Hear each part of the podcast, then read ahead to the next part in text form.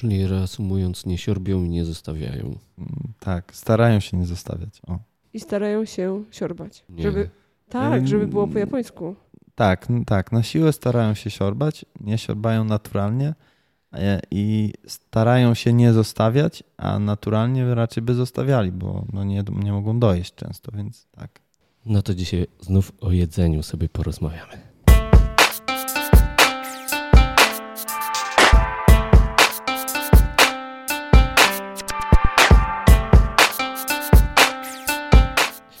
Witamy Was serdecznie. To jest kolejny odcinek naszego podcastu o Japonii. Podcast Byłem tu, Tony Halik. A razem z Wami są Justyna. Karol, Justyna i Karol z Akita Ramen. a prowadzą Joanna Sokołowska. i Konrad Żętarzewski. Justyna i Karol e, zaczynali z food truckiem w Trójmieście, ale potem na szczęście przyjechali do Warszawy. Mm, Mówię na szczęście, bo dzięki temu my żeśmy dużo skorzystali. Poznaliśmy się dość dawno, bo ja się nawet przekopałam, słuchajcie, przez Facebooka i Pamiętamy. znalazłam ten pierwszy post, to był 7 marca 2016. pod stadionem. Wow. czyli ponad 3 lata temu. No i właśnie, e, powiedzcie, jak się zaczęła ta wasza przygoda z ramenem? Skąd pomysł? Skąd przepisy? Karol bardziej może coś powiedzieć. Mm. To jest bardzo złożona historia oczywiście. I jest to historia o miłości, jak każda dobra. E, My poznaliśmy się zupełnym przypadkiem w piękną noc w Krakowie. Ja jestem z Trójmiasta, Wróżka jest z Lubelszczyzny. Poznaliśmy się w Krakowie, a Akita zaczęła działać w Trójmieście, no bo taki był biznesplan. Na początku to był mój biznesplan tylko i wyłącznie. Były osoby, które mi pomagały, natomiast to, że Justyna przyjechała na północ, to był już totalny zbieg okoliczności. Wynik miłości. Tak, no wynik miłości, ale na pewno nie przyjechał tam w celach e, pracy w futraku. E, Natomiast sam pomysł przyjechał razem ze mną po moim pobycie prawie pięcioletnim w Japonii, gdzie no tak naprawdę myślę, że jedyne co można powiedzieć robiłem, to krok po kroku zgłębiałem kulturę, która do teraz mi jest najbliższą kulturą na pewno, z jaką miałem styczność w życiu. Bliższą niż Polska? Na pewno bliższą. Mm, Wydaje mi się, że głównie dlatego, bo jestem ją w stanie zrozumieć. Znalazłem w tym jakąś logikę i są tam elementy, które można szanować lub nie, ale przynajmniej można je zrozumieć. Tutaj w Polsce bardzo ciężko jest się czasem odnaleźć mimo wszystko. Język, znajomość języka w 100% czasem nie pomaga, nie wystarczy na pewno. A uczyłeś się tam na miejscu języka? Tak, uczyłem się bardzo długo, no i jak sama wiesz, jest to taki dosyć żmudny proces, natomiast po powrocie to mi trochę pomogło i miałem tutaj nawet parę takich przedsięwzięć półtłumaczeniowych, więc jak na polskie realia y, prawie 5 lat temu, myślę, że to było, było fajne. Ja słyszałem, że Japończycy mówią zawsze, że Polakom najłatwiej jest fonetyki japońskiej się uczyć. Tak, no, Także z naj- Chińczycy też. Z najgorszych tak języków y, Polacy mają najłatwiej. Ja zapomniałem w ogóle wspomnieć, y, także ważne ogłoszenia na początek. Mm, Wy jesteście na naszej grupie w ogóle? Japońskiej? O Tak, podróżowaniu? tak, pewnie. Ja jestem na prawie wszystkich grupach związanych z Japonią. No właśnie, a grup nasze- otaku. Na naszej grupie Japonia budżetowa tanie podróżowanie. Taka ankieta A była to jest wasza niedawno. grupa? A, to super. No tak. www.facebook.com slash groups slash Japonia budżetowa. Nie, wiedziałem, Tak że jesteście aż tak dotrzeć. wysocy w zasięgach po prostu. I e, tam Aśka wrzuciła ankietę, o czym powinien być następny odcinek. No i wyszło, że o jedzeniu oczywiście. No więc trochę będzie o jedzeniu, ale trochę będzie też, o, jak widać, o kulturze i o języku. I dotarliśmy do Krakowa w ten sposób, także to jest też pierwszy odcinek wyjazdowy, więc jeżeli słyszycie w tle jakieś na przykład trąbienie albo mruczenie, to mogą być to albo koty, albo samochody. Tak, wracając do tej twojej przygody z językiem, zdarza ci się, że przychodzą japońscy klienci i, i sobie tam coś z tobą pozamawiają i po, porozmawiają? Generalnie mamy taki niepisany mm, rytuał może nawet, że jeśli ja jestem akurat na serwisie i jest ktoś z Japonii, kto no, reszta obsługi jest w stanie go zidentyfikować, ponieważ To też często się zdarzało, jakieś wpadki. E, jeśli taka osoba się pojawia i jestem w stanie jakoś zagaić chociażby, czy przywitać, to jest to bardzo mile widziane i przez nas, i dla nas. Jest to na pewno miła, miły element. No i e, w 99% Japończycy są w niebo wzięci, że ktoś jest w stanie ich powitać. Przywitać, Tak. mhm. Japończycy to chyba są wymagający klienci, bo nie dość, że muszą blisko pracować, żeby mieć blisko do, na jedzenie, na lunch, to jeszcze musi to być kuchnia stricte japońska. Może coś w tym jest, natomiast akurat jeśli chodzi o te ich wymagania y, względem tego, jak powinny niektóre rzeczy wyglądać, które mają odzwierciedlać to, co się dzieje na miskach czy talerzach y, w Japonii, to oni akurat potrafią docenić starania na pewno bardziej niż część ludzi, którzy tak naprawdę jeszcze nie doświadczyli tego w rzeczywistości czy w oryginale, a już są w stanie nie mieć litości. A jak e, jeszcze stacjonowaliście z tym food truckiem u nas w Warszawie, to e, przychodzili do Was e, wtedy japońscy klienci? Mieliśmy paru mm, stałych japońskich gości, natomiast nie było ich chyba aż taka duża rzesza. Mi też ciężko się z nimi porozumieć, bo nie mówię po japońsku, mówię tylko po angielsku, więc to pewnie był gdzieś też bloker. Ale pamiętam na przykład, pamiętasz tą parę polsko-japońską z Gdańska? Tak.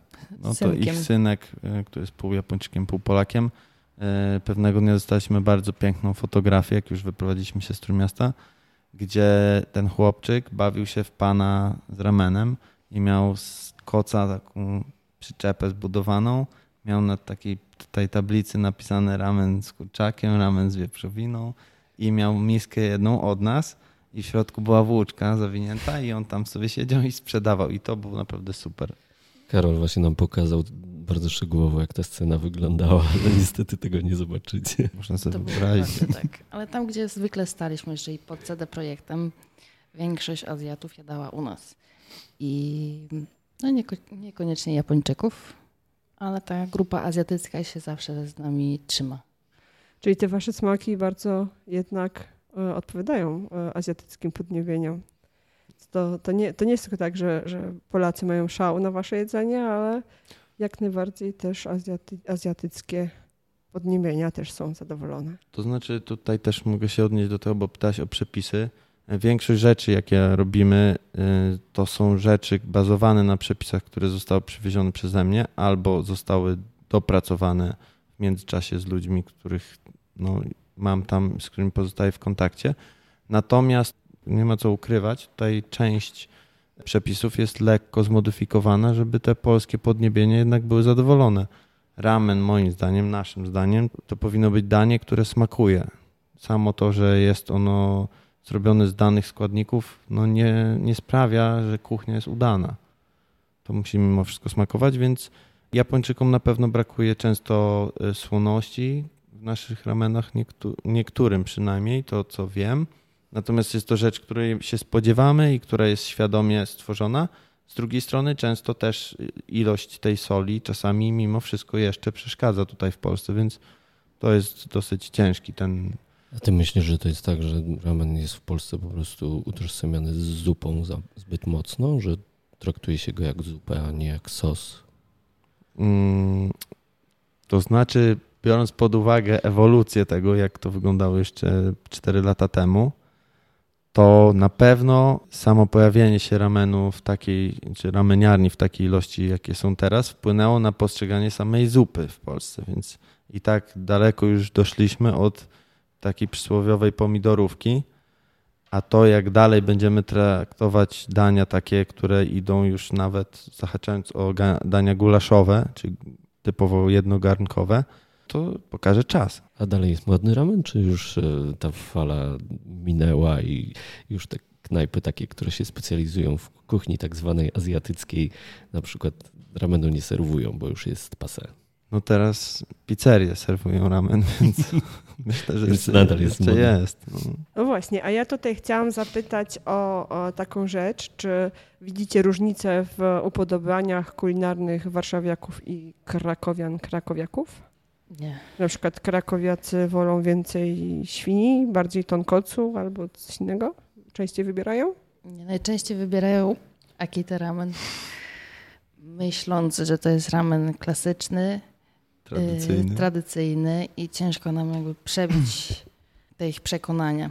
Nawet jeśli my tłumaczymy, jakby, że, to nie, że to jest autorska wersja ramenu i absolutnie nie jest tradycyjną wersją, no to większość gości, którzy do nas przychodzą, zamawiając klasyczną zupę Mają na myśli tą akitę. A mogłabyś powiedzieć, co, co tam jest w środku? Kto nie lepiej powie? Oczywiście. Mamy y, przede wszystkim y, bulion wieprzowodrobiowy, shoyu tare, makaron, łopatkę szarpaną wieprzową, y, kanpio, wakame, nori, jajko, sezam, chili w małej ilości Troszkę, czy szczyptę, czy... i dymkę. Czyli bardzo taka na bogato, bogato. wersja. No. no myślę, że gdybyśmy chcieli taką zupę zamówić z, automatu w Japonii, to trzeba byłoby dużo guzików No, nacisnąć dużo i, dopłacić. i dużo dopłacić do tej standardowej wersji. A właśnie, a jak, jak to jest, e, jeżeli chodzi o, o te wasze przepisy? Bo ja pamiętam, że to co, to, co pamiętam jeszcze z futraka z samego początku, to było zupełnie co innego. Tam był jakiś e, chyba sa, taki w stylu Sapporo z kukurydzą. Mhm. Te, tego już nie ma. Teraz y, patrzyłam dzisiaj do waszego menu, jest pięć zup. To jest taka stała oferta, czy może właśnie jakaś e, zoptymalizowana, czy może planujecie jakieś Czy to dodatkowo? jest dlatego, że w futraku było tak mało miejsca, że to po prostu jest ewolucja naturalna Mm. tego konceptu? Tak, no ta ostatnia odpowiedź twoja już jest w sumie krytyczna, To tak? się nazywa py- pytanie e, sugerujące Tak. odpowiedź. Dziękuję. Dziękuję. To wszystko.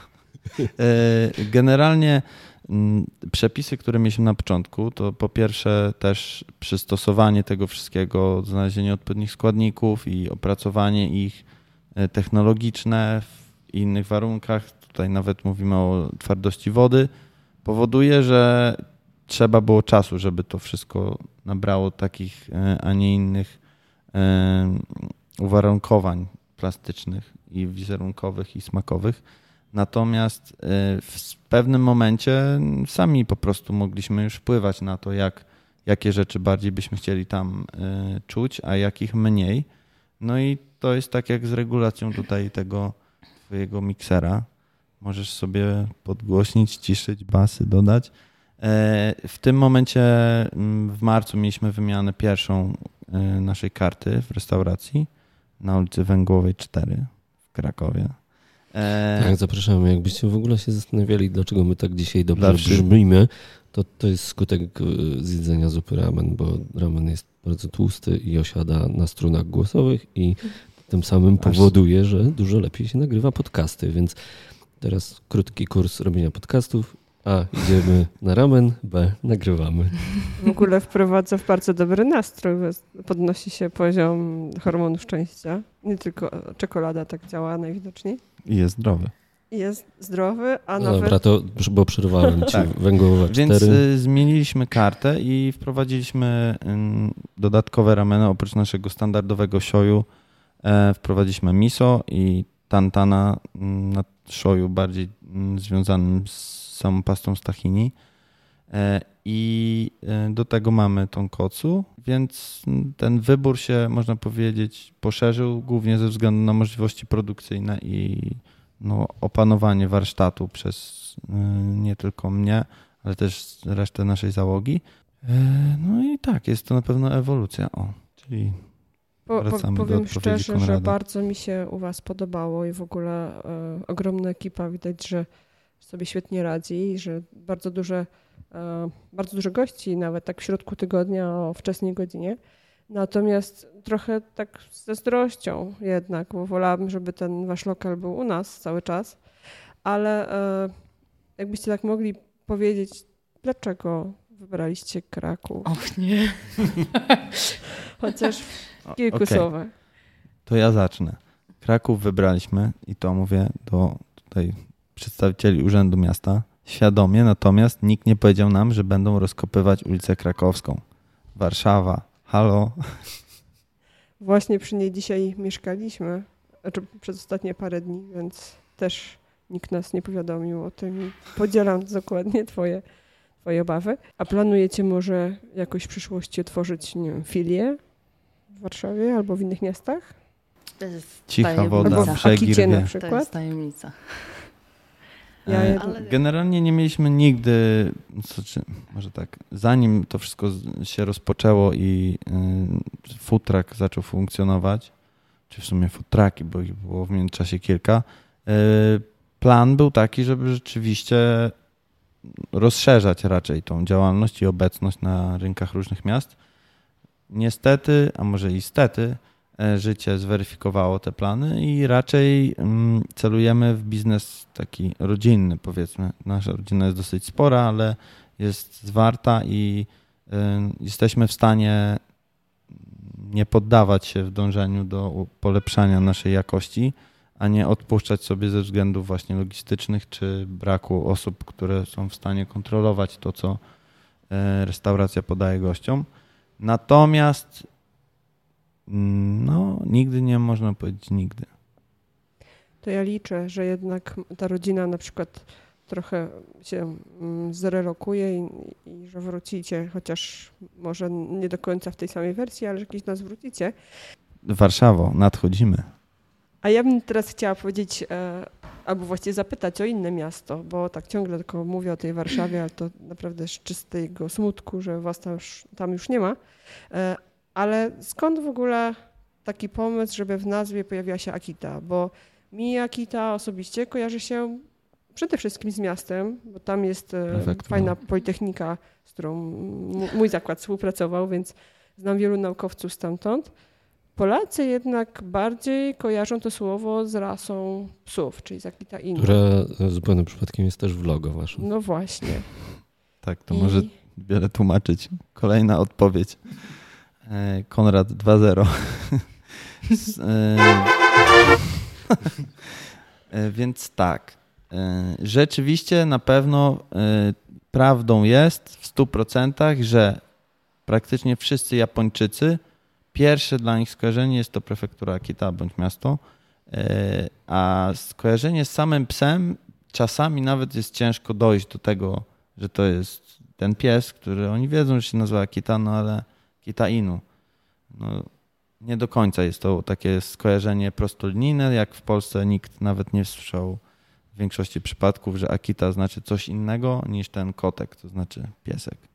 A u nas to chyba bardziej się Akita jako pieseł kojarzy. Nie, Tak, nie, teraz tak. Nie planowaliście pieseł ramen?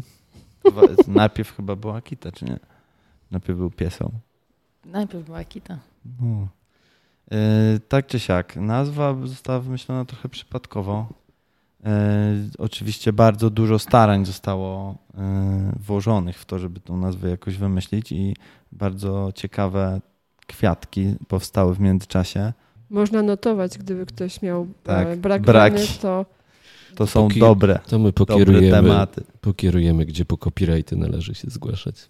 Więc takim jednym z y, głównych tutaj tematów przewodnich, jaki proponuję, to pierwsza propozycja Japaron. Japoński makaron. Japaron. To jest to. Sprawdź, to człowieku, Japaron. E, drugi, tak po koreańsku mi to brzmi cholera, no. Trzeba sobie wyobrazić logo też, bo to już był logotyp wymyślony i to są te literki Jap i takie małe Aron. A ja myślałam, że będzie makaron tak prosto do japy się. I tak A to też mogłoby miski. być. Japoński makaron. E, Były też nazwy na przykład szmaki japanaki. I to jest, proszę Ale sobie tak- wyobrazić. Trochę mi brzmi jak pod food trucka robiony właśnie Tak, taka, tak, taka tak, nazwa z tak, jajem, żeby tak. była. Szmaki japanaki, jak pani na stacji benzynowej to usłyszała, to uderzyła głową o podłogę ze śmiechu. No i dlaczego ta kita? Tak, tak. I ta, e, pewnego dnia, poranka z moim bliskim przyjacielem sobie siedzieliśmy w Warszawie zresztą, e, na leżaczkach. pies i was ugryzł? Nie. Przechodził piesek i on po prostu mówi: Ej, a Akita to nie są te japońskie psy? No i to bardzo szybko już wtedy się potoczyło. Ale to była, był pies Akita, Mhm. czy... Okej. Czyli można by go znaleźć nawet. Może właściciel tego psa powinien się zgłosić po nagrodę. Jeżeli e, właściciele tutaj e, psów Akita słuchają nas, Zapraszamy To- na casting. Tak, zapraszamy na casting i być może coś fajnego z tego wyjdzie. A na pewno sława dla psa. No i Gr- jedzenie dla właścicieli. To zapraszamy wszystkich warszawiaków e, albo takich... Wysyłajcie fotki tak. psów. O. Będziemy... O, Ale to właśnie. musi być taki- Robimy casting na nowego psa dla Akity. Ale to chyba nie musi być Akita z Warszawy, czy musi być?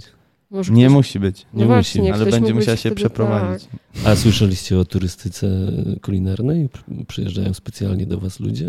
Znaczy, akurat ramen jest jednym z tych dań, które w, tak w spektrum całego świata chyba e, no, jest takim przodownikiem jedzenia. e, tak, tej e, turystyki kulinarnej. Mm, Dla nas to głównie też z powodu, bo my sami byliśmy czymś w sumie jak podróżujące jedzenie przez długi okres naszej kariery tutaj. Od zawsze wiązało się to z ludźmi, którzy są w stanie przyjechać z Gdańska rano do Warszawy, zjeść na targu śniadaniowym ramen i wrócić do Gdańska. I to się zdarza, zdarzało się i wszyscy turyści, teraz powiem to na antenie, bo jeszcze nie było mówione to nigdy na antenie, wszyscy turyści przyjeżdżający do naszej restauracji mają zawsze 10% zniżki, zawsze. Wystarczy Jest. powiedzieć, że nie jest się z Krakowa i się przyjechało do nas. Specjalnie. Tak, Bardzo oczywiście czasami trzeba wylegitymować takich delikwentów. I po drugiej stronie drzwi nie czeka e, ta ekipa z Krakowi. To zależy skąd się jest. To może kiedyś do, dochrapiemy się takiego, że będzie zniżka na podcast. Przyjechaliśmy tutaj, wysłuchaliśmy podcastu i przyjechaliśmy na ramen. Jakieś hasło możemy zawrzeć w podcaście na koniec, żeby dosłuchali do końca. Dobra, to ja już tutaj kminię, wy też kmincie. I nie będzie to żadna z, tych nazw, które już padły, więc nie bądźcie zbyt sprytni. Nie, nie będzie to Japaron, nie? Ja tak myślałem, słuchajcie, jak o tą pytałem o tą turystykę, bo wydaje mi się, że wy macie jedną z bardziej zaangażowanych grup e, społeczności w e, internecie w ogóle, czyli ta słynna e, Akitowa Ramen Armia. Myślałam, że na Stalina. Duma. Duma narodu. A to nie jest dla wybranych tylko? Jest. Jest. Tak, tak. Ale powiedzcie, o co tam chodzi? Można tam jesteś tam? przejść jakieś... Jestem, Jesteś w grupie? Bo ja też ale, jestem, a nie ale nie przechodziłem żadnych e, egzaminów na akolitę ramenowego, słuchajcie. Powiedzcie, jak tam trafić? Znaczy, to się wymyśliło dosyć przypadkiem, bo tak zaczęliśmy nazywać siebie i wszystkich ludzi, z którymi współpracowaliśmy, a przez te lata ich się przewinęło w różnych miastach bardzo wielu. I do tego też wiele osób tak często bywało u nas na rondzie ONZ, czy w innych miejscach w Warszawie, czy w całej Polsce, no, że postanowiliśmy jakoś ich e, zaktywizować, przynajmniej w jednej grupie. A jedynym tak naprawdę jakimś testem jest pytanie, które jest dostępne w rekrutacji naszej grupy i polega ona na przyrzeczeniu wspierania rameniarzy w potrzebie, więc jak ktoś to przeszedł, no to raczej jest, Jest świadomym jest świadomym członkiem ramena. członkiem Prosumentem. No i co tam się Ko- dzieje dalej w tej-. Co nam się dzieje dalej w tej grupie? Słuchajcie, jakieś wojny, bitwy na ramen. Nasza aktywność ostatnio y, trochę podupadła w social media, to głównie ze względu na wesele nasze, które w końcu się odbędzie i uz- udało nam się uzbierać wreszcie. Wszystkim, którzy do tego się dołożyli, bardzo dziękujemy oficjalnie. Y, Mam specjalny klip na Tak. tą okazję.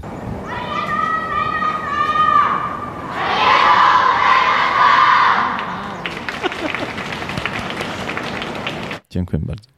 A ja mogę zadać szybkie, szybkie pytanie? Mhm. Czy w menu weselnym przewidujecie ramen? Mm, No, w pewnym sensie tak. Nie chcemy za dużo zdradzać, żeby goście, którzy się pojawią, mieli pewnie Teraz niespodziankę. dostaniemy embargo do czasu ślubu na wypuszczenie No. tego odcinka.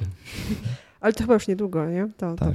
Więc y, ma, za, mamy zamiar wrócić do tej e, naszej aktywności i dalszej aktywizacji naszych cudownych rameniarzy. E, Natomiast jest rzeczywiście tutaj trochę ziarnka prawdy, bo zamierzamy wprowadzić e, coś na kształt wojen czy walk ramenowych, więc niedługo będzie, miejmy nadzieję, o tym głośniej. Będziemy się rzucali makaronem? To był kiedyś taki pomysł, ale akurat nie tym razem, ale kto wie. To jeszcze tak wracając do tej waszej społeczności, ja kiedyś stałam w kolejce do waszego futraka tam na rondzie i jedna pani, ja dokładnie wiem, kto to jest, bo to jest sąsiadka ode mnie z Ochoty, powiedziała, że ona to sobie zaraz zamówi niespodziankę Karola. I niestety Karola wtedy nie było w futraku. Nawet pamiętam, pisał do mnie wtedy wiadomość e, przez Facebooka, że go nie ma. E, ja się nie dowiedziałam, co to jest ta niespodzianka Karola. Co to jest niespodzianka Karola? Albo była, bo pewnie już... To dużo, takie customowe rameny. Mm, każdy z rameniarzy, którzy pojawiali się u nas więcej niż paręset razy, mm, miał swoją już jakąś tam opracowaną recepturę i nazw tego było bardzo wiele. Natomiast głównie wiąże się to e, z osobą właśnie zamawiającą, więc ciężko mi powiedzieć, czy to była może Paulina? A tak, to wiem. No to ogólnie e, tam, bo nacisk był na ilość mięsa. Okej. Okay. I y, też była to trochę bardziej pikantna zupa. Czyli to była tak, taki był ramen z kopą mięsa. Bardzo tak można powiedzieć. ostatnio popularny. Tak. I co dalej, Coś... te, dalej te customy macie? Są. Bardzo rzadkie, ale są. Czyli trzeba 333 rameny zjeść przynajmniej. No albo jakieś mieć inne wpływy. Na przykład być golarzem ekipy, która tam pracuje na kuchni. No, są takie osobistości tutaj. Ja pamiętam, że jak przyjechałam do Warszawy, to miałam taki ulubiony pub. To był e, pub jazzowy Helikon na Starym Mieście. I tam można było mieć swój własny kufel. Chodziłeś tam? Kojarzysz nie, ale kojarzę to miejsce. Ja niestety nie, nie doczekałam się tego kufla. Już prawie go miałam mieć, bo to trzeba było jakieś paragony zbierać, coś tam, ale naprawdę trzeba było sporo przechlać w tej knajpie. E, bo potem oni jakoś tak się zamknęli, ale to może jest szansa na, na miski takie Wprowadzamy. własne, własne Już rezerwuję, żeby tam nikt nie zajął przypadkiem tego pomysłu. Proszę Państwa, ogłaszamy, w Akita Ramen będą e, spersonalizowane miski do ramenu. Nie wolno tego kopiować. Nie wolno tego kopiować. Tak, zastrzeżone to już jest w tym momencie. Tak, ale to jest też wcale nie takie aż strasznie oryginalne, bo w Japonii bardzo często w lokalach ludzie swoje pałeczki zostawiają i mają, no nie? To też właśnie, było grane u nas właśnie w Warszawie. miałam mówić też o tym. No. My na przykład teraz e, trochę inaczej robimy, bo ja noszę ze sobą swoje własne pałeczki, takie przywiezione z Japonii w takim specjalnym pojemniczku. Wszyscy myślą, że to szczoteczka do zębów, jak wyciągam, ale to pałeczki. I zawsze też mówię e, tym obsłudze, że to nie dlatego, że brzydzę się ich pałeczek albo coś, tylko po prostu nie chcę używać tych jednorazowych. No chyba, że mają pałeczki, tak jak u Was, e, które są wielokrotnego użytku i to jest mega, mega pro nature, podoba mi się. No i właśnie to jest pro nature to raz, a po drugie to jest takie bardziej naturalne też jedzenie pałeczkami jednorazowymi, na przykład sushi. To jest no taka, może nie obraza tego taki produktu, trochę, tylko nie? taki właśnie fast food i no ta kultura się robi taka płytka trochę. Natomiast my się spotykamy często z niesmakiem ze strony gości, że to są pałeczki wielorazowe, oni by woleli jednorazowe. Ja osobiście nie uważam, żeby to było bardziej higieniczne. Nie wiadomo do końca, jak kto je tam wkłada, w czym do tych e, papierowych e, kopert. My wyparzamy swoje pałeczki, one są e, impregnowane i utrzymywane w, taki, w takim stanie, aby rzeczywiście można było bez problemu zjeść sobie nimi, tak jak widelcem czy nożem. W ogóle to wasze miejsce tutaj w Krakowie jest takie bardzo naturalne. Dużo drewna, dużo roślin, bardzo przyjemny, taki trochę... Chłodzik. Tak, i taki klimat zen trochę, aż się chce powiedzieć. Lubicie to miejsce? Tak, sami w zasadzie zaprojektowaliśmy. Wszystko zrobiliśmy sami. Od malowania ścian po, no może nie płytki, ale mieliśmy dobrego ducha, który Prawie. nam układał płytki i wszystkie te pomysły, rozwiązania, które mm, też bardzo dużo nas kosztowały, bo do wszystkiego dochodziliśmy sami. I wie, bardzo często się zderzaliśmy z jakimś problemem, jak odchodząca farba ze ściany po już skończonym malowaniu. Kiedy nam już ręce opadały, bo okazywało się, że jest milion różnych małych albo większych problemów do rozwiązania na już.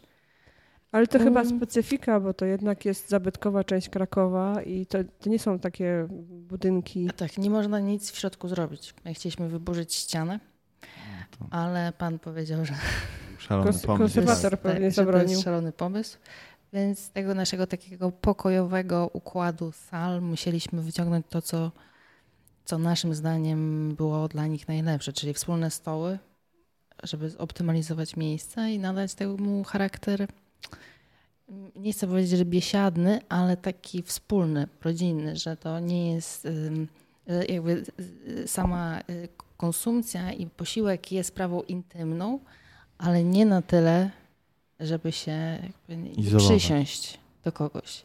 Bo to jest fajne, że ja widzę, że na przykład goście niektórzy, jak przychodzą sami, też w zależności od osobowości, ale nawiązują kontakty z ludźmi obok. Albo ludzie, którzy stoją w kolejce do nas też gdzieś już rozmawiają więcej z osobami obcymi niż, niż pewnie od bardzo długiego czasu. No my też bardzo zawsze lubiliśmy, i nie tylko w Japonii, ale w ogóle, jeżeli są jakieś takie możliwości, żeby usiąść przy barze, żeby trochę mm, właśnie pogadać z sąsiadami, popatrzeć, co, co oni jedzą, e, coś zagadać. Czasami nawet e, ten sąsiad może coś zarekomendować lub odwrotnie. Więc to jest taka fajna sprawa. Na pewno się to kojarzy z Japonią, gdzie są te długie, długie bary albo e, takie długie stoliki, gdzie ludzie wpadają na chwilę. Nie, no wiadomo, że ramen to nie jest restauracja z posiłkami, nie wiem, typu jak kaiseki, gdzie trzeba celebrować, tylko w rozumieniu um, Azjatów to jest no, taki dosyć szybko spożywany posiłek, prawda? Więc... Japończycy na tej waszej powierzchni to by dwa razy więcej miejsc Dokładnie. siedzących zmieścili. No, to jest fakt i pięć razy szybciej jeszcze by to wszystko Tak, i to, że oni się tam dosiadają, to jeszcze nie, nie świadczy o tym, żeby zagadywać się nawzajem. A ja tam czasami też zagadywałam. W szoku byli, bo tak jak mówisz, mam bardzo podobne wrażenia, że nawet taka krótka konwersacja, podstawowe zwroty, to oni już są przeszczęśliwi. E, natomiast no, rzeczywiście ten klimat takiego miejsca, gdzie można razem po, pocieszyć się jedzeniem, no to jest super sprawa. Właśnie, przy okazji japońskiego jeszcze ramenu przyszło mi do myśli takie pytanie, że taki standardzik, e, powiedzmy, można powiedzieć wieczorny, to jest e, ramen, gyoza i piwko. E, taki format was nie kusił? To znaczy my trochę, jeśli chodzi o podejście do karty, którą ja tutaj jestem jej autorem, jest trochę inne, ponieważ my nie chcieliśmy no, schodzić w te takie kanony sushi, ramen, gyoza. takie Może bardziej. nawet nie, tylko takie utwardzone. Mm, pierogi, pierogami. Ja nic nie mam do giozy ani do dimsumów. Natomiast no, jeśli już dodawać do tego coś, to można coś od siebie dodać. Mamy kartę, jeśli chodzi o startery czy jakieś mm, pozostałe dania, y, stosunkowo niewielką, natomiast staramy się, żeby każde z tych dań było takim daniem wartym spróbowania i na pewno zadowalającym e, jakiekolwiek oczekiwania względem kuchni, która może być prowadzona jakby równolegle z ramen barem, bo to w Japonii też rzadko się zdarza, żeby ramen bar serwował tempurę i jeszcze właśnie jakieś, nie wiem, e, sashimi na przykład, no to czy udon i ramen, to się zdarza rzadko. U nas to tak trochę wygląda, ze względu na y, no, rozdzielenie tej kuchni ramenowej i kuchni zimnej, ciepłej. E, natomiast jeśli chodzi o piwo, to też możemy tu ogłosić kolejne wielkie ogłoszenie, ale tego nie planowaliśmy. E, mm, będziemy już, miejmy nadzieję, w tym miesiącu y, mogli powiedzieć dokładnie kiedy.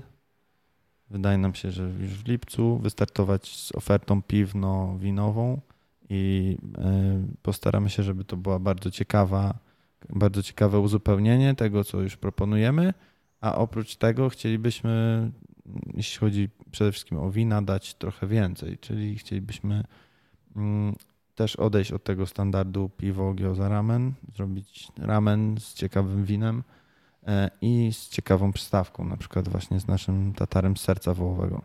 Brzmi smacznie aż normalnie chyba będziemy musieli za miesiąc wrócić tutaj z powrotem do Krakowa. A ja mam jeszcze e, takie pytanie osobiste dosyć. Czy wy jecie ramen A to jest codziennie? bardzo częste pytanie. No prawie każdy się pyta o to. My jemy prawie codziennie ramen. Ja jem teraz trochę mniej glutenu, nie piję też alkoholu. tak z takich bardziej zdrowotnych założeń na tą chwilę, ale szczerze mówiąc, jeszcze załóżmy do tych kilku miesięcy wcześniej, no to praktycznie codziennie, nawet jeśli jeszcze gdzieś jeździliśmy futrakiem, to najczęściej się to kończy po prostu z jedzeniem ramenu. Każdy ma też swoją wersję u nas, tak jak customo, customowi nasi e, goście ramenowi mają swoje wersje, my mamy też swoje wersje.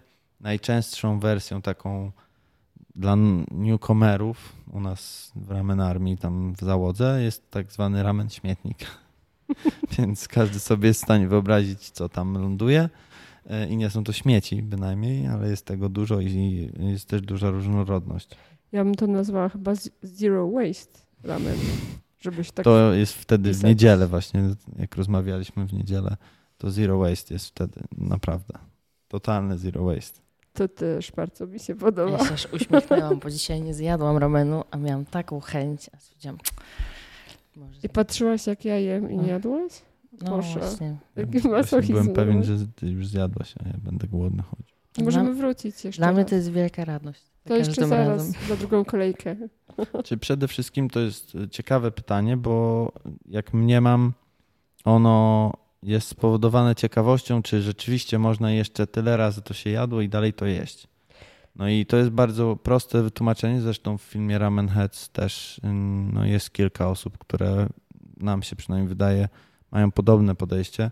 My staraliśmy się zawsze zrobić takie danie z tej zupki, które no po prostu powoduje, że po zjedzeniu jednej miski ktoś wraca i sobie parę godzin później myśli, a zjadłbym jeszcze raz.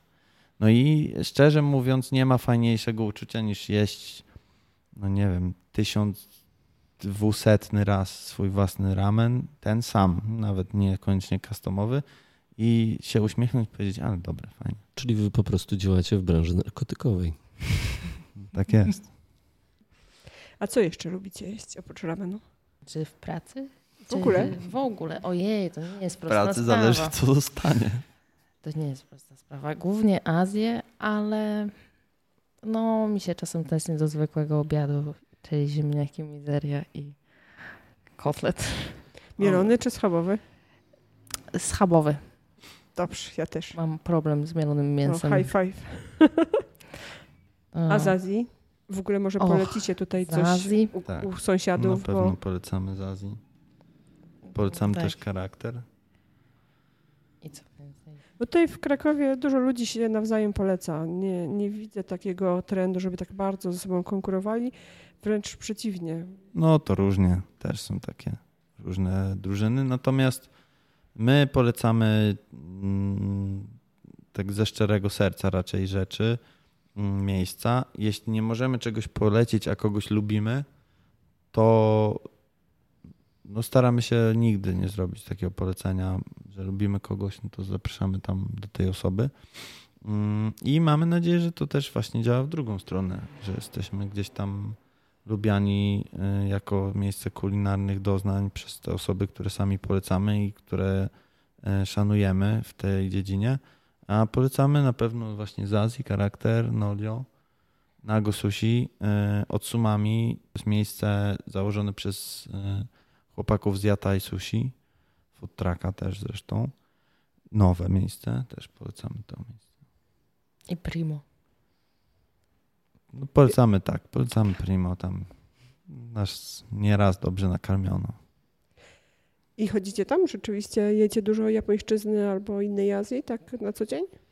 E, w Krakowie teraz jest bardzo modna się zrobiła Azja i można powiedzieć, że ten rok ostatni to była ekspansja totalna. Nawet nie ma co porównywać do jakichś innych e, kultur jedzeniowych, które się tu pootwierały. Jest teraz e, też ciekawa, dosyć wietnamska knajpka na Podgórzu, E, I rzeczywiście w sumie, jeśli chodzi o Azję, to jeśli nie jemy u siebie albo nie wybieramy się na jakieś testy w nieznane rejony mm, miasta, to tak, wietnamskie Wietnam, pho i bumbonambo to są takie nasze taki nasz duet, na pewno tak, w ciemno. Się tak. Podobno bumbonambo to jest najbardziej ukochana wietnamska potrawa Polaków. Tak? Tak, tak. tak. To nasza też na pewno. Tak, słyszeliśmy od, ukrywać. Jesteśmy statystyczni. Ale to jest super. To co prawda tutaj w Polsce e, rzadko się zdarza, żeby to tak nas zadowolało jak e, te e, miejsca, które odwiedziliśmy w Wietnamie. Mm, ale są, są fajne miejsca w Warszawie, Food, Elo. No my rzeczywiście mamy mm, to szczęście w Warszawie, że jest bardzo duża e, ta społeczność mniejszości wietnamskiej i można faktycznie popróbować całkiem, całkiem e, autentycznej No właśnie, o, tu u was ta Azja, która teraz się otworzyła, to są osoby przyjezdne, czy raczej Polacy próbujący ty, tych stylów azjatyckich? Różnie. Koncepty biznesowe się różnią. Nie można to niestety, niestety, całe szczęście generalizować. Są i miejsca, gdzie ściąga się na siłę kucharzy, czy ludzi, którzy są danej, mm, danego pochodzenia etnicznego.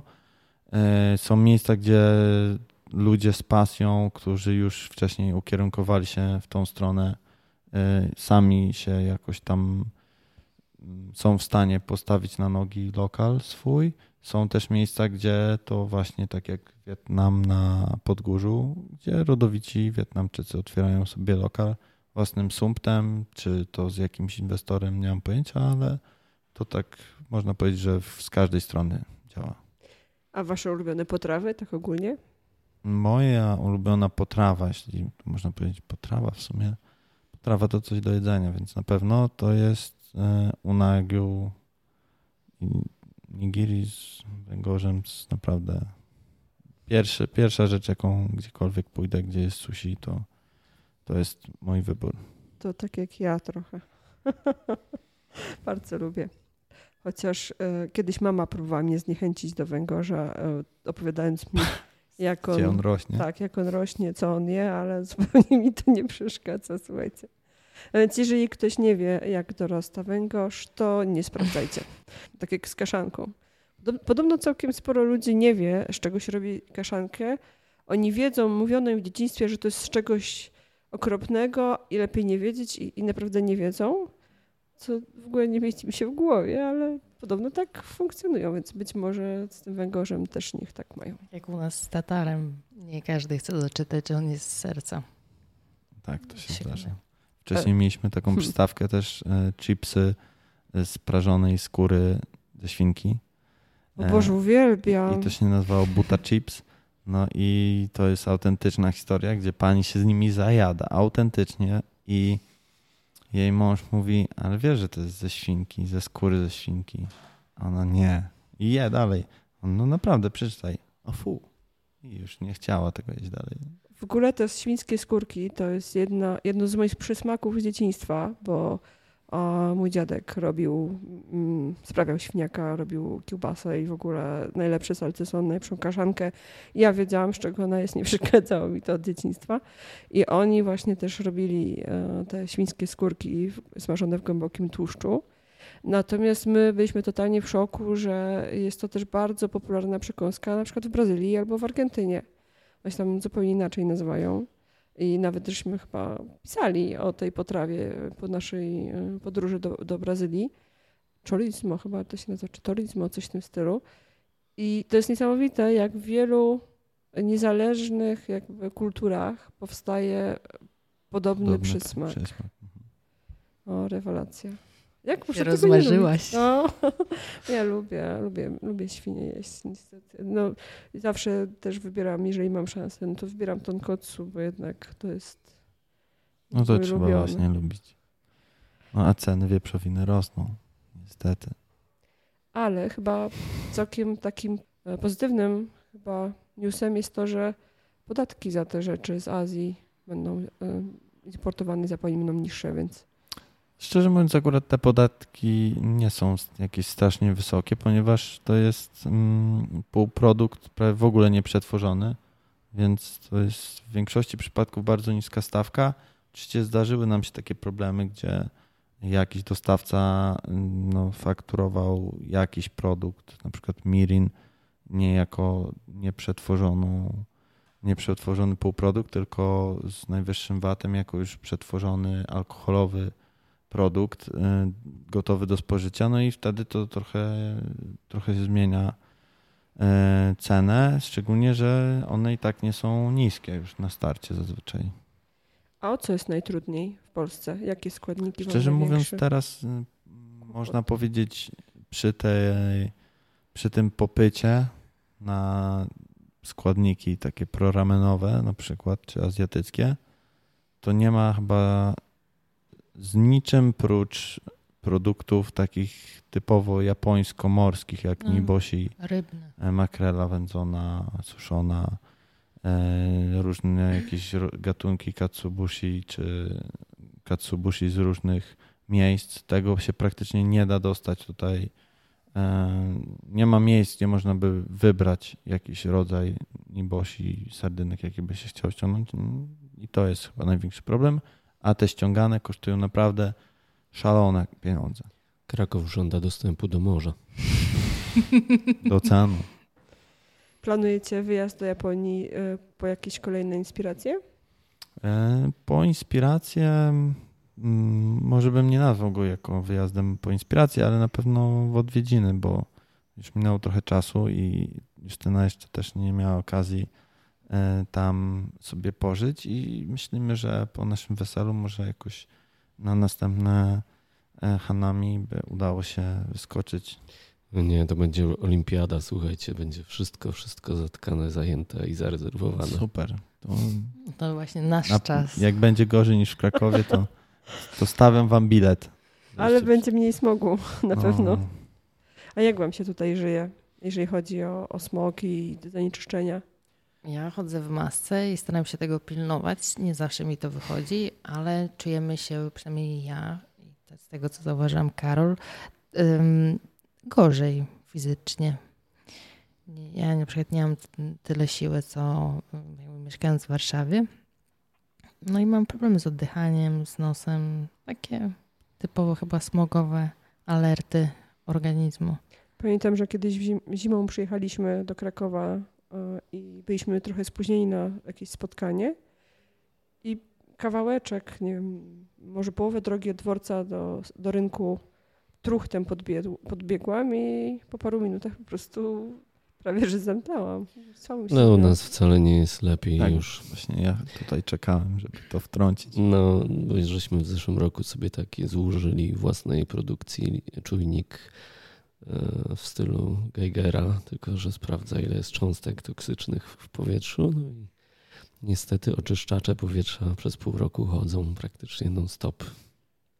No Warszawie nie jest lepiej. My też w sumie mm, no, nie baczyliśmy na ten czynnik właśnie ze względu na podobieństwo tych poziomów między Warszawą a Krakowem, ale rzeczywiście ze względu na to, że tu mieszkamy w takiej dosyć y, ograniczonej przestrzeni i jeśli chodzi o logistykę i społeczność, w jakiej się obracamy, bo mieszkamy tutaj na Kazimierzu, Mm, I to powoduje takie jeszcze zagęszczenie tego wszystkiego i tych, nie wiem, czy cząsteczek, czy powietrza i to wszystko tak trochę bardziej stoi mimo wszystko niż w Warszawie. W Warszawie po prostu jest za dużo spalin i za dużo takiego ruchu e, no, ciągłego. Tam nie przestają jeździć samochody. Tutaj mimo wszystko jest na pewno mniej samochodów. Tak, tutaj bardziej siada wszystko w tej nietce. Mhm. Ale Zresztą Warszawa była w założeniach tak projektowana, że są te korytarze powietrzne i, i wystarczy wyjść z bocznej ulicy i faktycznie no jest jakiś ten, e, można z niemiecka powiedzieć, cuk e, powietrza, no ale czasami bywa, czasami bywa trudno i a co gorsze, czasami nie czuć tego tak bardzo i gdyby nie te nasze czujniki, to no, ludzie zapominają o tym, jak to jest niebezpieczne. No, prawie jak z promieniowaniem. Teraz pytanie, e, ciekawe co powiecie. Ile godzin powinien gotować się ramen, znaczy właściwie wywar na kościach wieprzowych na tonkotsu? To znaczy, mm, sama procedura gotowania tonkotsu jest no, tak złożona i tak wiele jest podejść do tego, jak kucharzy. Nasze tonkotsu po oczyszczeniu kości gotuje się tak od 18 do 22-23 godzin. E, W tym ostatnie godziny to tak naprawdę jest już sam bulion bez domieszki, kości i pozostałości takich e, stałych, mm, ewentualnie jakieś chrząstki czy resztki z grubień tłuszczowych. I to teoretycznie wystarcza do mm, zamienienia całego kolagenu w płynną substancję. E, czasami ta ilość godzin to jest trochę za długo, jak się okazuje też, ponieważ mm, kolagen ten zastały już w kościach i substancje wapienne, one po prostu zaczynają puszczać i ta kość się na tyle rozkłada w tej temperaturze, że zostaje nam bardzo taki niemiły osad. I to mhm. Zdarza się wszędzie. Też zresztą to jest y, rzecz odpowiedzialna za zabarwienie bardziej w tą taką brudną stronę tonkotsu. A z kolei dodanie y, na przykład większej ilości mm, mięsa drobiowego czy tkanek drobiowych powoduje, że łatwiej uzyskać y, jasny kolor tonkotsu, więc nie, niekoniecznie trzeba to tak długo gotować. Czy niekoniecznie sama świnia? Tak, niekoniecznie sama świnia i to też no, nawet pan Tomida właśnie w Ramen Heads pokazuje, że to naprawdę niekoniecznie musi być tylko i wyłącznie świnia, a wręcz e, sam ograniczanie się do samego smaku świni mm, może okazać się, czy być traktowany jako błąd, ponieważ on też powinien być lekko jakoś zbalansowany ten smak. Można właśnie użyć mocniejszego dashi, czy większej ilości różnorodnych ryb, czy produktów pochodzących z morza. Więc to zależy naprawdę od receptury, moim zdaniem. Kości, jeśli chodzi o same kości i niedużą domieszkę mięsa, to na pewno im dłużej, znaczy dużo dłużej niż same takie miękkie mięsa. Mam takie głupie pytanie, bo zawsze mi to chodziło po głowie, jak tak słyszałem o tych zupach, które się gotuje kilkanaście godzin, mówisz 18 godzin i normalnie tak to zostawiacie na gazie, czy to nie, to właśnie pauzami. dlatego mówię o tych procedurach, bo to y, też zależy od Czyli dnia. nie jest tak, że w nocy po nie, prostu to nie. się gdzieś tam bulgocze no, i to zostaje. To się zdarzało też tam, szczerze mówiąc, nic już nas na kuchniach, gdzie są gary z zupą nie jest w stanie zadziwić, mm, ale na pewno jesteśmy w stanie zadziwić wielu. Jeśli chodzi o tą kocu, czy takie długie gotowanie, no to raczej się dzieli na etapy takie właśnie, gdzie już nie będzie miała ta przerwa wpływu na samą strukturę danego wywaru. Tak właśnie zawsze w głowie miałem, że zostaje i o trzeciej w nocy jest pożar i w ogóle cały lokal płonie. Gdzieś tam w Japonii jakiś taki mały drewniany domek. Ja tak próbowałam gotować u nas oczywiście trochę krócej, bo to też cieńsze kości, mniejsza mhm. ilość w, w mniejszym garnku to cały weekend praktycznie się siedziało w domu, żeby po prostu pilnować tego. Tak, bo... mieszać. Tak. No. Więc to było zajęcie, że tak powiem, weekendowe wtedy. To na tej waszej grupie też widziałem, że ludzie się chwalą swoimi produkcjami, właśnie wrzucają tak. swoje własne autorskie fotki ramenów. To jest akurat bardzo fajna rzecz. Też jest kilka tych grup ramenowych w Polsce i y, akurat to jest wymierna, e, wymierna jakaś ocena tej sytuacji, jak, jak ewoluowała popularność ramenu, gdzie ludzie sami sobie w domach często robią makaron, robią własne czaszu, e, robią różnego rodzaju buliony, nie ograniczając się do tylko jakichś receptur z internetu, czy od Pascala Brodnickiego, czy innych takich gwiazd. Mm, I to jest bardzo ciekawe, bo to zwiększa świadomość też ludzi, którzy odbierają później takie posty i czytają i próbują sobie też dalej, więc to jest jak najbardziej na plus i bardzo się cieszymy, że tak jest. No ja czasami zastanawiam się, czy to naprawdę jest na plus, bo e, wśród różnych takich gwiazd kulinarnych widziałam kilka produkcji. Kiedyś zrobiliśmy, tutaj nie będziemy mówili konkretnie o, o kogo chodziło, ale zrobiliśmy taki konkurs wśród naszych naszej społeczności, czego nie powinno być w tym przepisie, który był, A, który tak, był podany.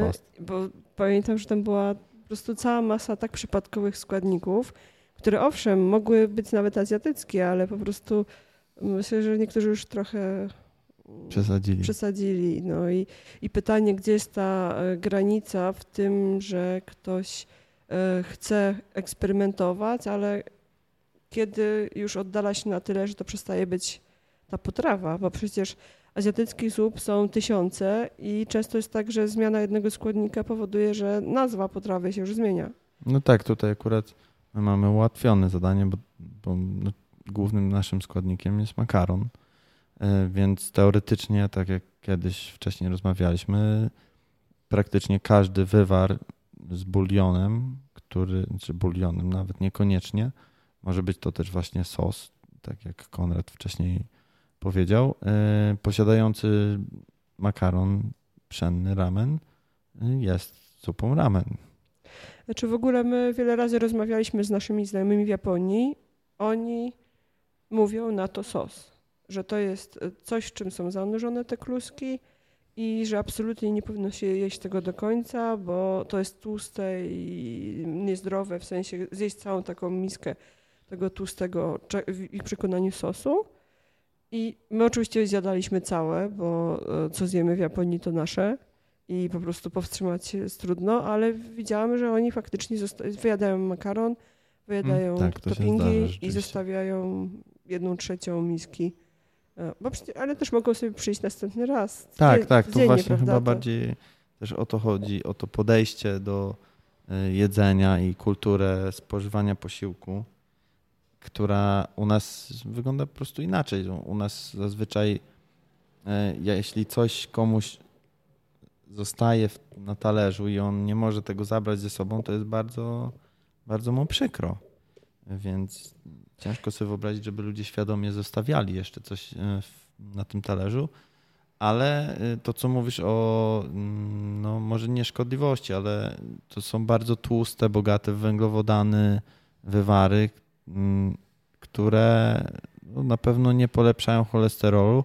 Sam e, bulion i zupy na bazie kości są uważane jako top 10 superfoods, więc są bardzo zdrowe, szczególnie na przykład dla młodych, małych dzieci. Ale spożywanie tego w ilościach litr dziennie, w tej ilości też e, glutenu, jaki tam towarzyszy, no, oczywiście ma jakieś skutki niezbadane pewnie jeszcze przez naszych lekarzy tutaj. E, ale jeszcze że, jak się to łączy ze smogiem. Tak, i z kawą później na przykład. Może być na pewno różnie.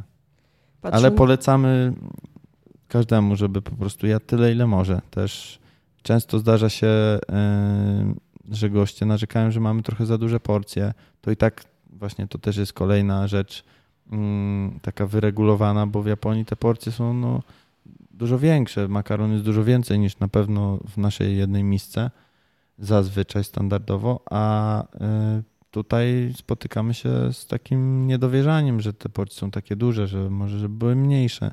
Nawet gdzieś tam ktoś nam dał jakąś ocenę negatywną, że nie można brać tego na wynos później.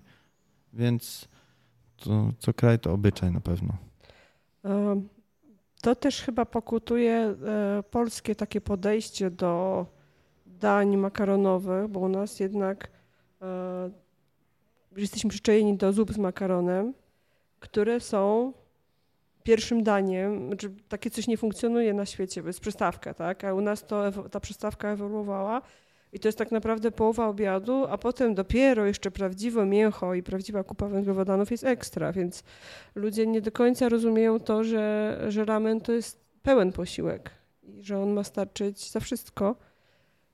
Ja też dzisiaj miałam taki problem, bo y, chciałam zjeść cały ramen, bo mam problem z zostawianiem też jedzenia, dlatego że jak byłam mama, mała, to mama mi mówiła, że dzieci w Afryce głodują. I to jest w ogóle masakra, bo ja do tej pory mam to w głowie, że, że ja tutaj kupuję ten wypasiony ramen z tych składników, które są przywiezione z tym cułem, z te 8 tysięcy kilometrów, a, a ja tego nie zjem do końca. Natomiast strasznie chciałam spróbować tych waszych przystaweczek różnych przekąsek i po prostu fizycznie już nie dało się wszystkiego zjeść, więc no tak, to ludzie mogą mieć faktycznie z tym, z tym kłopot. Czyli reasumując, nie siorbią i nie zostawiają. Mm, tak, starają się nie zostawiać. O. I starają się siorbać. Nie. Żeby, tak, żeby było po japońsku. Tak, tak. Na siłę starają się siorbać, nie siorbają naturalnie i starają się nie zostawiać, a naturalnie raczej by zostawiali, bo no nie, nie mogą dojeść często, więc tak. Czyli rozpoznajesz, że ktoś siorbie naturalnie? E, no czasami to tak widać, że ktoś no, zainspirował się jakimś filmem, jak tam Popo na przykład i chciałby pokazać, że wie, co to znaczy posiorbać makaron. Ja czasami siorbię. Ale Ja to też. w ogóle mi się wydaje, że jak się siorbię, to lepiej smakuje. Znaczy to, że lepiej podobno smakuje, to też jest jedna strona, ale druga strona, dużo bardziej wiarygodna, jest taka, że siorbany makaron się chłodzi podczas siorbania. No, dokładnie. I ciężko sobie naprawdę włożyć do ust taką pakę makaronu gorącego i to jakoś tam przetworzyć. Łatwiej jest siorbnąć. Ja jeszcze słyszałem mm, taką legendę, że się nie powinno gryźć makaronu, bo Tak. wtedy się to życie skraca. Tak, to we Włoszech chyba. W Japonii Omerta, też. to- w- w- Tak, w azjatyckich krajach bardzo często się o tym słyszy. Jak pogryziesz makaron, to dorwiecie jakuza. Wróżka zębuszka. O Boże, ja czasami e, jak gotuję małą ilość makaronu, zwłaszcza japońskiego, jakiejś soby albo czegoś, to łamię na pół, żeby mi się w małym garnku zmieściło. No, to, to jest w ogóle... Ale Nie, to, I dlatego no, że- nam się ostatnio jakieś te chyba negatywne te przydarzały. no. A w Wietnamie nożyczkami kroją przecież fo, no to jest w ogóle. No, dokładnie, to prawda. Ale jest w ogóle na to nie zwróciłam uwagi, a może mam to na zdjęciu. Poszukam. Tak jest. Co byście jeszcze chcieli powiedzieć ludziom, którzy em, albo nie znają w ogóle ramenu, bo, bo się boją, bo znam takie osoby. E, u mnie w pracy parę osób jest takich e, bardziej e, zachowawczych, że oni by poszli, ale nie będą wiedzieli, co zamówić, nie będą wiedzieli, jak się zachować. Co można takim osobom powiedzieć? Znaczy, moim zdaniem najważniejsze jest to podejście, że to nie jest takie danie, które się je raz na rok, czy byłem na ramenie i nie wiem, smakował mi, czy nie smakował. Dla wielu ludzi to jest no, styl życia i no, dla nas to oczywisty jest styl życia, bo my dzięki temu żyjemy, że mamy zupę miłości. Natomiast e, są ludzie, którzy no, całe swoje życie jakoś uwarunkowują od tego, czy zjedzą tą zupę, czy że przyjadą o 4.30 do Ciby, do Tomidy i tam sobie bez kolejki zamówią numerek i przyjdą o 13.00 zjeść tą miskę, więc muszą sobie pewnie planować cały dzień mm, względem tego, co chcą zjeść. E, I takim ludziom, którzy jeszcze nie mieli okazji rzeczywiście jeść ramenu, proponujemy, mm, jeśli wybraliby zaszczytnie dla nas nasze miejsce, żeby przyszli i bez żadnego e, oczekiwania takiej nie wiadomo jak wydumanej procedury zamawiania, zapytali się, co można zjeść, co by było dobre na pierwszy raz i na pewno ktoś z obsługi jest w stanie taką osobę Poprowadzić. poprowadzić za rękę, tak, żeby ta osoba jedząca nie czuła się jak ktoś, kto się nie zna i nie wie, bo tu się nie ma na czym znać. Tu każdy ma inny smak. E, Jeden lubi to, drugi lubi właśnie więcej świnki, więc na pewno chcielibyśmy, żeby wszyscy, którzy już trafią, czuli się jak najbardziej komfortowo z tym, co jedzą, bo to ramen w końcu jest jednym z comfort food. Zdarza się taka sytuacja, że ludzie narzekają, dlaczego ta zupa jest taka droga, dlaczego to kosztuje 20 parę złotych, 30. 30 parę złotych. Nie, Czy już świadomość jest raczej... jest właśnie zupełnie odmienna niż to, co było parę lat temu, gdzie no, nieraz ktoś się pukał w głowę przy mnie i mówił, że panie, jak zupa za 30 zł, czy tam za 20 parę. Mm, To były czasy jarmarku dominikańskiego, jeszcze nadmienię. E, Teraz myślę, że mm, mieliśmy też kosmetyczne podwyżki mm, w karcie. To związane z, właśnie z tym, co się dzieje na rynkach mięs. E, I szczerze mówiąc, nie pamiętam, żeby ktokolwiek powiedział, że jest to za wysoka cena, czy no nie wiem, jest za mało za tą cenę, czy. No tutaj akurat ten współczynnik ekonomiczny chyba się nie, jakoś specjalnie nie odbił na nas, nie? No, Justyna Można e, mówić. kręci nogą e, głową przecząco. Usłyszałam tylko koniec wypowiedzi, więc Ja też szczerze mówiąc nie obsługuję gości na sali, chociaż raz mi się zdarzyło, jeden dzień miałem taki. Więc Tak? Tak, no. Kiedy to było? Nie wiem, w jakiś piątek przecież byłem raz kelnerem. Zdjęcia sobie ze mną robili ludzie. A, no, pamiętam. Więc, Emergency. więc e, ciężko mi powiedzieć o wszystkich gościach, a ci goście, z którymi mam jakiś tam kontakt, to zazwyczaj są właśnie tacy goście, którzy no, zamawiają bez obsługi kelnerskiej, wiedzą co chcą i już się znamy. Albo Japończycy. E, Tak, Japończycy tak, tylko mm, nie często Japończycy też są e, w stanie usiąść na barze, bo w weekendy zazwyczaj ten bar też jest pełny, więc to jak się uda kogoś usadzić na barze, no to tak. A trzeba u was robić weekendy rezerwacje? U nas się nie da robić rezerwacji. My nie prowadzimy ani rezerwacji, ani dowozów, ani wynosów, ani żadnych takich dziwnie. My staramy się być tacy zwy, zwyczajni. Podobno kolejki się zawijają aż za węgło. Za węgieł. Kim był węgieł? E, Były był- takie czasy. To był Winkiel, tylko przeprowadził się do Krakowa się. Dżinkiel. Brat, Dżingiel. ba, brat Brat Dżingla. Wy macie wegański ramen w karcie, czy nie macie? Nie mamy. Nie macie. Nie no mamy. właśnie, bo teraz e, przy okazji, jak mówiłaś o tych podwyżkach cen mięsa, ja też przeczytałem taki artykuł, że 37% ludzi młodych się deklaruje jako ograniczających mięso, fleksitarianizm, ruchy proekologiczne, ruchy prozwierzęce itd., itd. I Jak wy się na to zapatrujecie? Ludzie wam bardzo marudzą, że nie ma tego wegańskiego ramenu? Marudzą. Bardzo marudzą. Bardzo Teraz, często się pytają na Facebooku. Wysyłają bardzo dużo wiadomości. Czy mamy wegański, wegetariański? No, na razie nie mamy.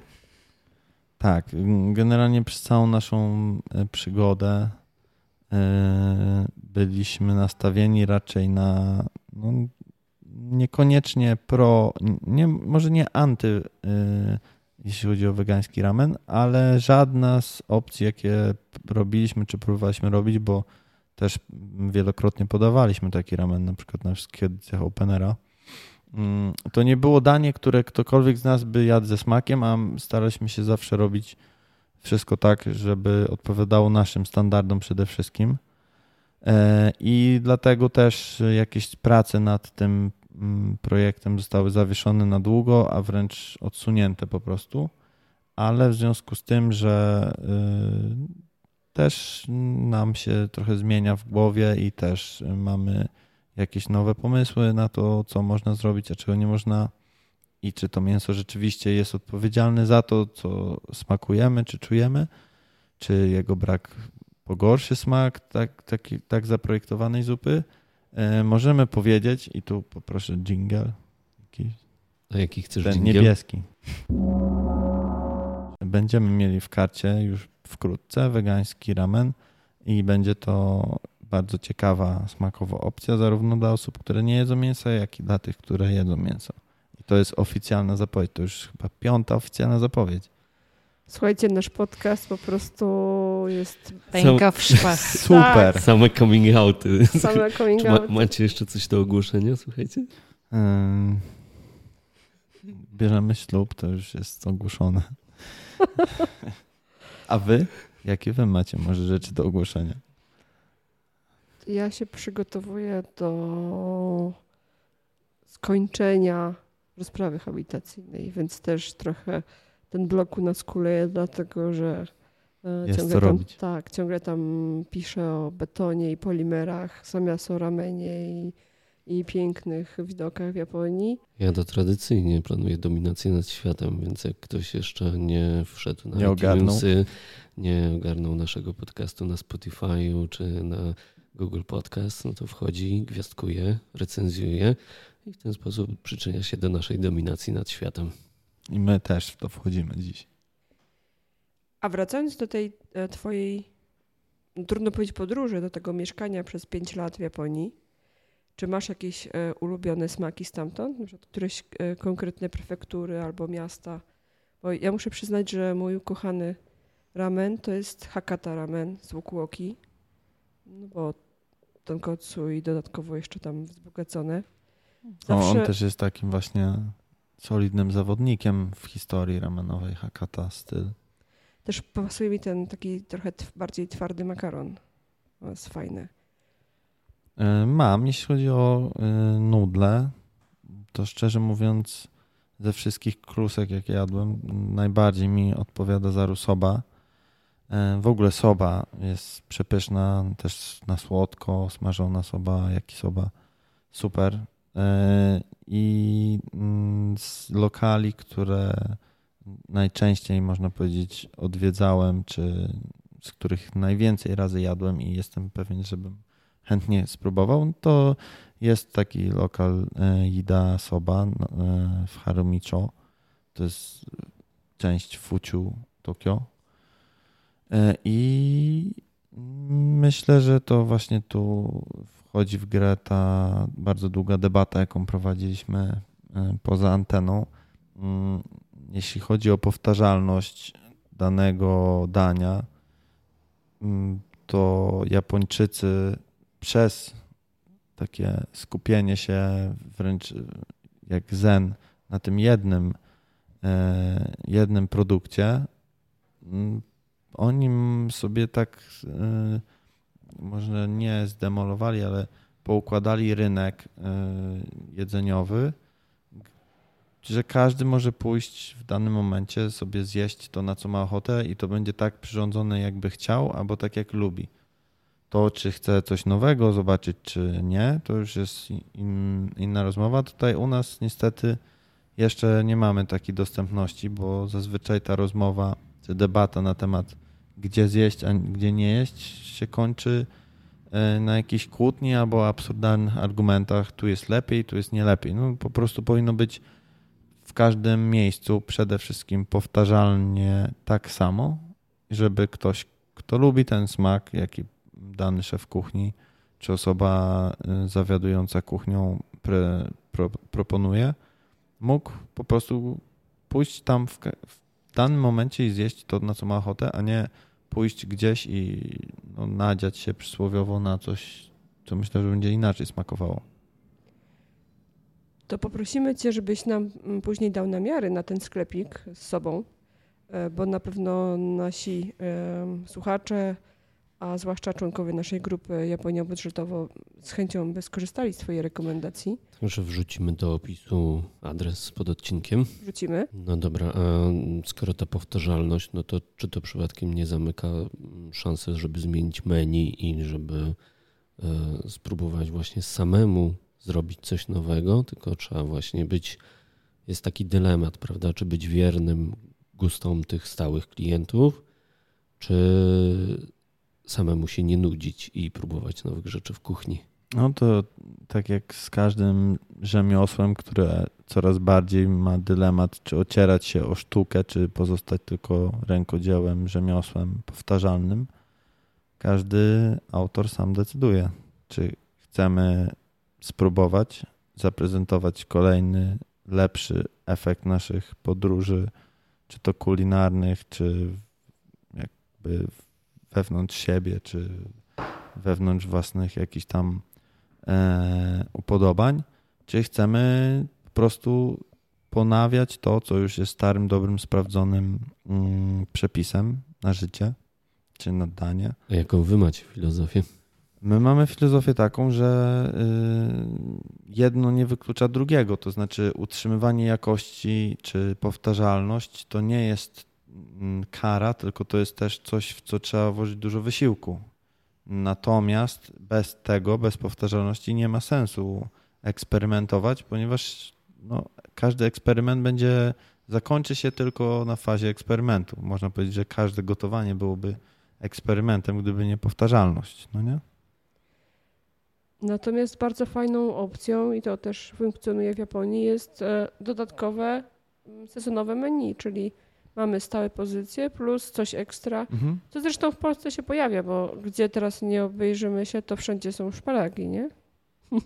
Więc coś takiego już zaczyna się e, pojawiać, że ta sezonowość u nas też jest e, w Polsce e, dostrzegana i wykorzystywana w kuchni. Jako atut. Macie jakieś jeszcze asy w rękawie, którymi byście się chcieli z nami podzielić? Czy... A które nie są tajne, bo słuchajcie, zaraz nam tutaj Akita Ramen założy klauzulę tajności na cały podcast. E, mamy parę, którymi byśmy mogli się podzielić, ale niekoniecznie możemy. Mm, tak czy siak sprowadzają się one głównie do tego, e, że jak tutaj uporządkujemy nasze sprawy takie mm, wewnętrzne, Mhm. wewnętrzne powiedzmy i wszystko się ustabilizuje, to e, zamierzamy dalej się rozwijać w tą stronę, którą już podążamy od jakiegoś czasu razem. Czyli w lipcu szukamy u Was nowych smaków. Mm, tak, tak. Można powiedzieć, że zdecydowanie nowych smaków można poszukiwać. Nie tylko ramenowych, też na pewno jeśli chodzi o wina, zapraszamy do nas. No i trzeba śledzić wasze pewnie socjale i wasze strony. Tak, Także można. Zareklamujcie się szybko, gdzie tam was można. Na Facebooku www.facebook.com slash Akita Dobre Nudle. I Prawie jak Japaron. szukajcie też grupy Ramen Armia, Tak, która jest tajna. która jest, jest tajna. trochę tajna. no. I przynależność w niej y, to pewien, pewnego rodzaju zobowiązanie, że będziecie wspierać Rameniarze. rameniarzy. Tak. To takie ślubowanie wręcz. To myślę, że tym możemy optymistycznym i smacznym wielce akcentem zakończyć Pierwszy odcinek naszego podcastu na wyjeździe. na wyjeździe, więc jeżeli gdzieś On jakieś tour. motory słyszeliście albo e, tupot małych stóp, które nam tutaj goniły muchy w trakcie naszego e, wywiadu, no to mam nadzieję, że jakoś to ścierpicie. Dzięki serdeczne za, za tą przemiłą rozmowę. To my dziękujemy bardzo. My dziękujemy bardzo. I teraz mogę też powiedzieć, że dziękujemy też, że nas um, umożliwiacie nam przeniesienie się, jak to Konrad mówi, szybki teleport do Azji kulinarny, bo um, wasze potrawy um, i te przystawki, zupy, właściwie e, tutaj też ta kwestia sporna, że ramenowe dania e, z zupami, tudzież sos- sosami są zawsze dla nas wielką przyjemnością. I O. czy to był truck i teraz z trochę z takim opóźnieniem udało nam się wreszcie Was y, odwiedzić tutaj stacjonarnie w Krakowie. No ale z jakim efektem? Więc mamy nadzieję, że wszyscy nasi em, słuchacze i członkowie naszej grupy, e, jeśli tylko będą w Krakowie, to em, odwiedzą Kazimierz, który sam w sobie jest fantastyczny, nie tylko kulinarnie i zapraszamy w imieniu naszych gości do Akitera. To jeszcze dla Was e, ta obiecana niespodzianka. Jeżeli traficie na węglową 4, to e, przy barze trzeba zdradzić magiczne hasło, żeby Wasz rachunek nie był tak wysoki jak w w wieżowce w e, tej e, części Sindziuku. W tej części Krakowa. Z tej części Krakowa. Z tej części Sindziuku. Sindziuku e, bardziej drapaczowej. I tym hasłem jest Tony Halik rządzi. Więc wszyscy teraz notują w telefonach i jak tylko przyjdziecie do Krakowa, to z tym radosnym hasłem wybiegacie z dworca, Idziecie do baru. idziecie do ramen baru. No dobra. Okej, i tym optymistycznym akcentem nasz, e, naszą dzisiejszą rozmowę, nasz dzisiejszy podcast z łamaną anteną e, zakończymy. E, silnej ekipie z Akita Ramen serdecznie dziękujemy za to, że przyjęli nasze zaproszenie do rozmowy. No i mam nadzieję, że wy dowiedzieliście się z tego podcastu wiele ciekawych rzeczy i dawajcie znać na naszej grupie, z kim powinniśmy porozmawiać, kogo powinniśmy przesłuchać jako następnych pasjonatów kultury japońskiej czy kulinariów japońskich, a najlepiej jednego i drugiego. Także do usłyszenia już niebawem. Dzięki serdeczne za rozmowę. Dziękujemy bardzo. Bardzo dziękujemy. Cała przyjemność po naszej stronie tym razem. Cześć. No i cześć, cześć. Cześć.